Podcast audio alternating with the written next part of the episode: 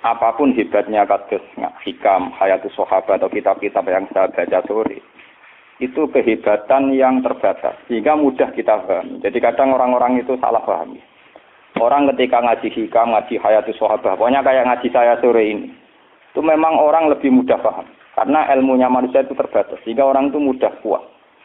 Tapi sebetulnya yang hakikat ilmu itu ya di Quran itu. Meskipun kadang kita tidak paham, gak karpe, tapi itu hakikatul ilmi, semua ilmu ya ada di nopo. Saya ini pernah khatam hikam, pernah khatam isya, beberapa kitab tasawuf pernah saya baca. Itu memang enak dan saya lebih merasa nyaman. Tapi sebetulnya ada hal-hal yang hilang dalam kondisi sosial nyata. Misalnya begini, orang khusyuk atau mergawi, yakin nak rezeki ku teko lewat wiridan, aman wiridan. Tapi nang hati ini, aku bolak-balik wiridan duit teko. Berarti dia kan sudah mengkompensasikan wiridannya dia dengan piwales rupa-rupanya selama ini duit teko Semakin sering ono duit teko dhewe, semakin semangat wiridan, mergo jaga wiridane caspleng. Terus dari pangeran, lho casplenge jebule ukurane di sini nih yang saya makanya saya tetap berpendapat ilmu terbaik tetap Al-Quran. Al-Quran yang jujur saja. Kalau orang ingin cari rezeki ya kerja. Nah, kalau anti mati tetap kerja. Bahkan saya sampai sekarang menanamkan anak-anak saya kalau ditanya tamu bapak di mana ya jawabnya kalau saya ke ya kerja. Malah kata santri si Irbat Kulo, apa yang dalam Gus? Apa siapa aja anak? Karena bapak anak saya itu nggak tahu apa itu apa itu nggak tahu. Ya makanya ya manggil saya emang bapak. Nah, anak pulau sing bareng malah luwe setengah yang janja putri. Saya tidak punya abah. Kalau bapak punya.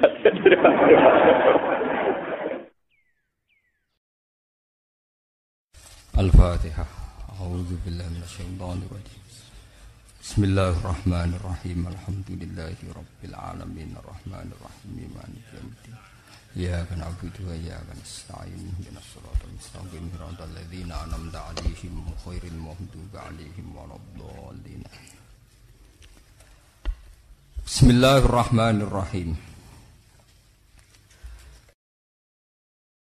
Kulo kepengen hubungan kulo baik jenengan hubungan sujud teng Allah Subhanahu wa taala memang hubungan sujud itu dimulai lewat ilmu. Lewat nopo?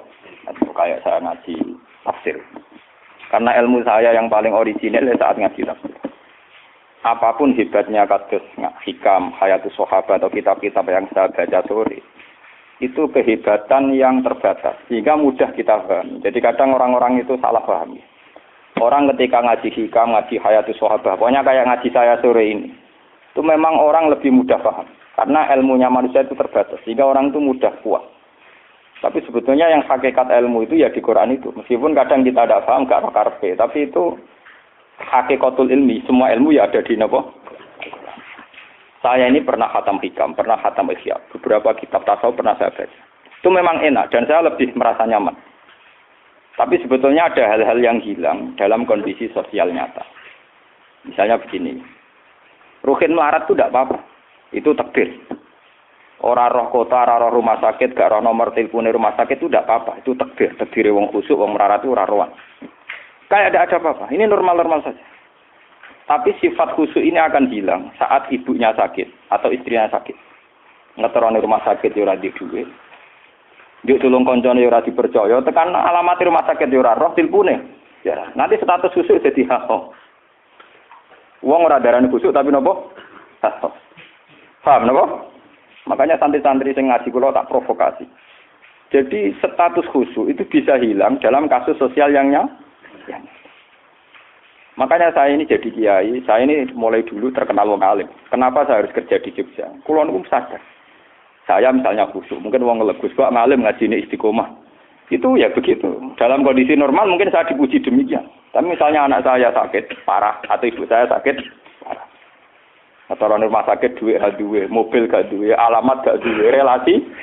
Nanti status saya ini bukan orang alim yang istiqomah. Wong ha ho, wong napa? Wong nulung ibu e ora kodak, ngurus anake ora kok. Di sini ini terus terjadi kesalahan dalam kitab-kitab tasawuf yang benar.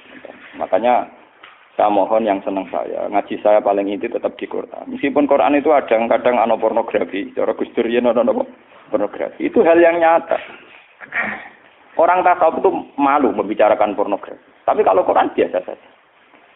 Jadi misalnya di Quran itu ada ayat nisaukum hartulakum faktu hartakum annasib. Bojomu itu tanduran. Kowe nak carane jima, carane ngumpuli nganggo cara paling liar tak karepmu terserah. Lu itu ya nyata. Karena Allah iso ngilani. Wong lanang sak soleh-soleh tetap duwe nafsu dan jalan menghilangkan nafsu itu libidonya dia harus ditumpahkan. Dan itu yang halal adalah nopo bu. Artinya itu tetap harus dibicarakan. Piawai yang iso ngekang zino adalah bu. Tetap dibicarakan. Daripada kue wiridan sawangane yang pangeran, jebule ambek nahan nafsu, paham ya? Terus akhirnya bano nahan nafsu puncak wiridan. Gusti nang mati nang swarga kula tak nang ngeloni bidadari dari pangeran. Lho gak kangen aku jebule. Kangen apa? Bidadari oleh kurang ngajar. Artinya ternyata di balik kekhususan dia ada pornografi yang tersimpan.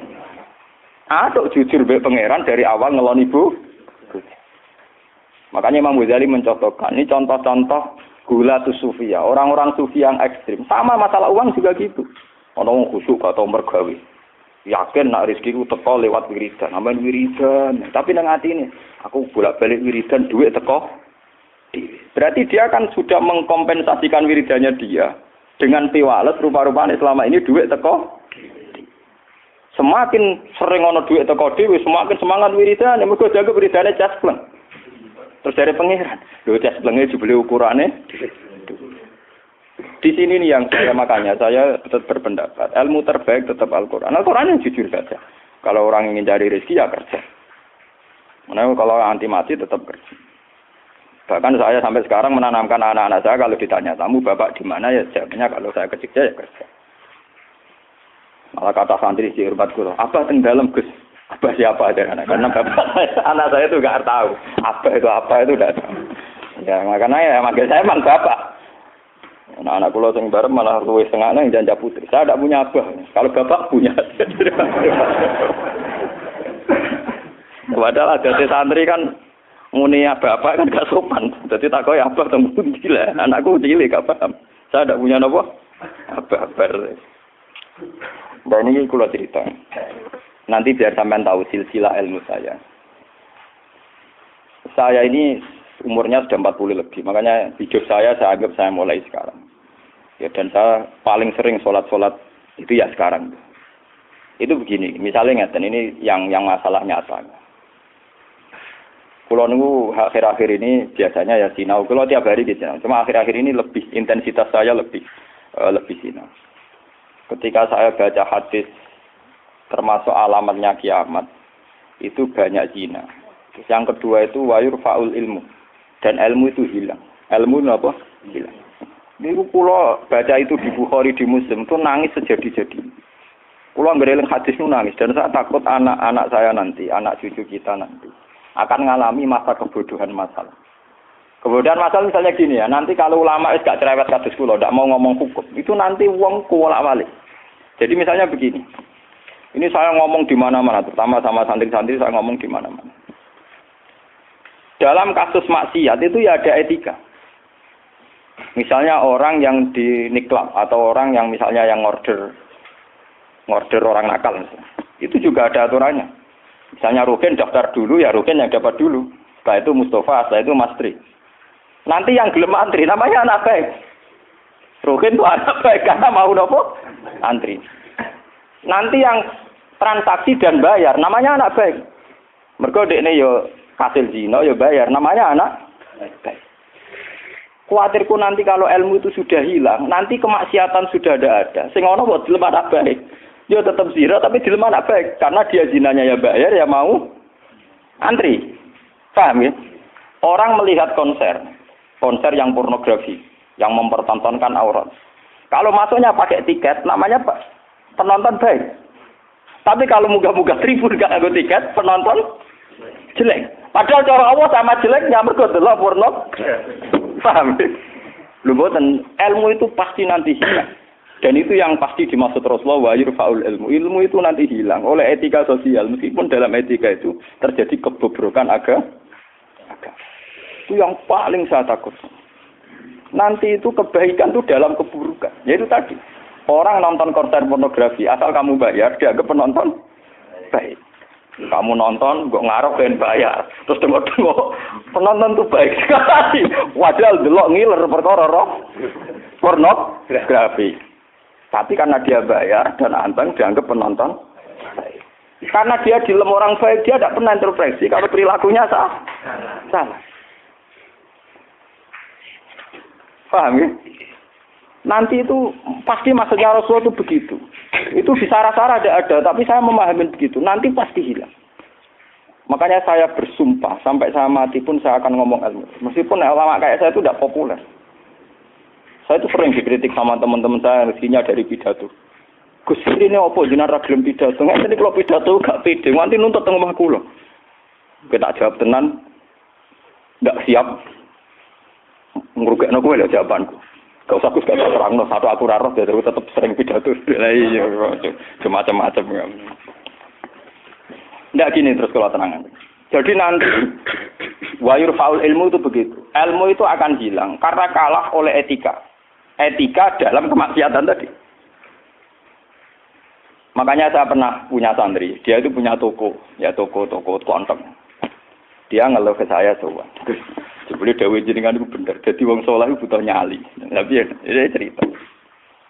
Pegawai negeri PNS itu kan punya gaji tetap, paham ya? Di gaji apa? Rasa tersinggung, harus biasa wah itu. Anggap aja ngomong ngarepe pangeran, gue tak kayak itu. Lah kayak modal apa? Kudu ya pak. Mau satu murah. Dia itu punya toko kelontong. Ya itu pegawai PNS kan ada bulan digaji, paham ya? Guru dia digaji. Lah itu nak Wonge yo rokan Gus cara teori santri yo buka aurat jenenge ro. Tapi tak belajar ku bayar. Jadi tak anggap pembeli yang baik. Kena jatuh yo rokan kawasan ketat tapi pembeli yang baik. Mergo mbak. Kulo ditoko soleh bedino ning musola ning masjid tapi tak belajar. Nah ada sih nyulayani kan. Pembeli yang tidak baik. Ulang kan saya proses. Wong kok dicoba makel mbek wong soleh. Tadi kan harus wong soleh mangkel no. Sing wong rapati soleh. Nyeneng no. Maksudnya rapati soleh perkara aurate lho, ora perkara PNS lho, perkara napa? Aurate kok ora salah paham. Mesti protes PNS. Lha iku padha mek pengurus masjid. Pengurus masjid, dia sumbangan wong sing terkenal korupsi atau terindikasi korupsi nyumbang 10 juta.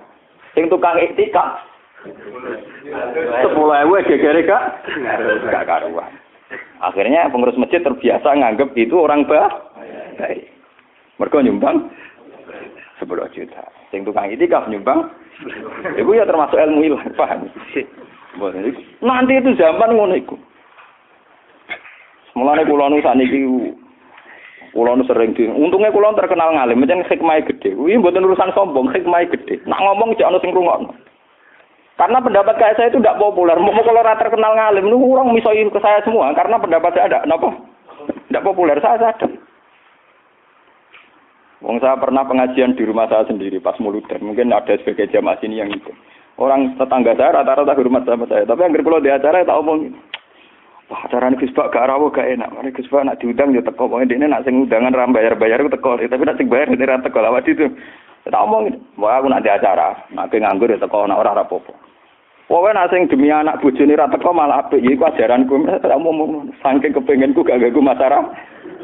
Ya, tapi wong ya tetap segan gitu, tetap teko. Tapi tak umum Saya tidak tersinggung. Andikan sampean ndak. Nah ini gue terus balik. Terus yang ketiga contohnya gini kiai ku kados kiai kados kula. Mumpun mangkel tenan. Cara ora eling Quran mangkel. Masyarakat yang anaknya setengah idiot atau yang dianggap gak pati pinter itu si pondokno. Nah sing iki udah bagus. Lho ngoten niku kadang yo nganti camat mantan camat. Ini kula jujur mon, kula termasuk kiai termasuk kiai gede, camat-camat lagi do semen. Gus kula niku dia anak. Problemnya itu dia hiperaktif, ngeten-ngeten. Anak padahal kakaknya di UGM gini-gini itu coba yang itu supaya mondok di sini gini gini. Ya sudah begitu. Untung kalau termasuk kiai sing sing rapati butuh duit, rapati butuh derajat. Memang tak pisau ya, tak maki-maki nek kula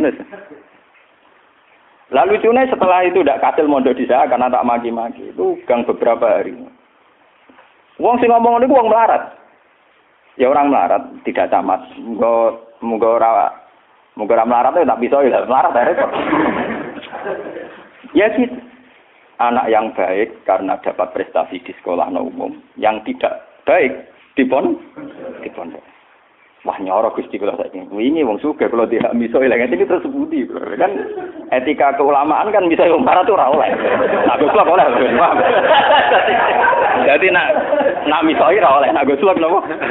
Iya, beda kan misoi napa Gus Jadi ono Nah itu yang menyelamatkan hati saya itu satu, yaitu tadi. Kenapa di Al-Quran diulang-ulang, innalladzina amanu wa amilus jadi sebetulnya begini lah ini yang peringatan ya bagi teman-teman yang mungkin di sini ada PNS, ada orang-orang yang biasa punya selera elit. Coba lah Quran ini dihidup-hidupkan lagi. Amanu wa amri solikan. Dalam teori Quran pokoknya yang baik itu ngamal soleh. Jadi misalnya saya sebagai orang alim di pondok Iruhin. Dia sudah misalnya idiot, melarat, aneh-aneh di pondok Mastri misalnya, wis melarat aneh-aneh. Pondok Mustafa melarat gak pahaman. Kalau dalam teori pendidikan modern di mana butuh bibit unggulan, ini itu nggak masuk semua. Karena sudah ada bayar, idiot, ngawur, aneh-aneh gitu. Itu kan repot. Wah, itu kan repot. Jadi kamane santri kok Mustafa yang iki, wis ora tau salam tempel lah kok kiai ini ra salat qobliyah. Kiai ora salat apa? Qobliyah. Gremeng deh, mesti gak terima deh. Napa? Duwe kiai kok salat apa? Qobliyah. Misalnya tak turuti salat qobliyah, kok ora dia? Wah, dia karepe kiai ku ideal. Ngaku karepe dhewe. Padahal kiai ini kesusu rabadia kopi mergo ape nak ngurusi ini terus kelaparan. Nah ini contoh. Nanti suatu saat ada era, sekarang juga mulai. Sekolahan yang hebat adalah sekolahan yang luar biasa dengan makna santrinya IQ-nya bagus. Siswanya IQ-nya apa? Bagus. Pola sosialnya bagus. Pembayarannya nomor penting gini bu. Pembayarannya apa? Lah terus akhirnya pondok-pondok pesantren kan keduma bayar era bagus, otaknya ada bagus, perilakunya. Lu mau aku ora disangoni pangeran. Wa amilu solihat. Ngrumat rohen ku amilu solihat. Ngrumat Mustafa ya amilu wis ora urip. Wis ora dadi wong. Tapi karena saya punya semangat sarane Quran yang penting aku amilus, ya sudah. Allah menitipkan ngamal saya lewat ngrumat matri, lewat ngrumat rohen. Ya sudah selesai. Masalahnya terus nopo? Nah, kalau suwun sing ngaji kula, semangat kenapa Quran ngulang-ulang wa amila solikan, diulang-ulang wa amil solikat. Penting dalam hidup tuh amilus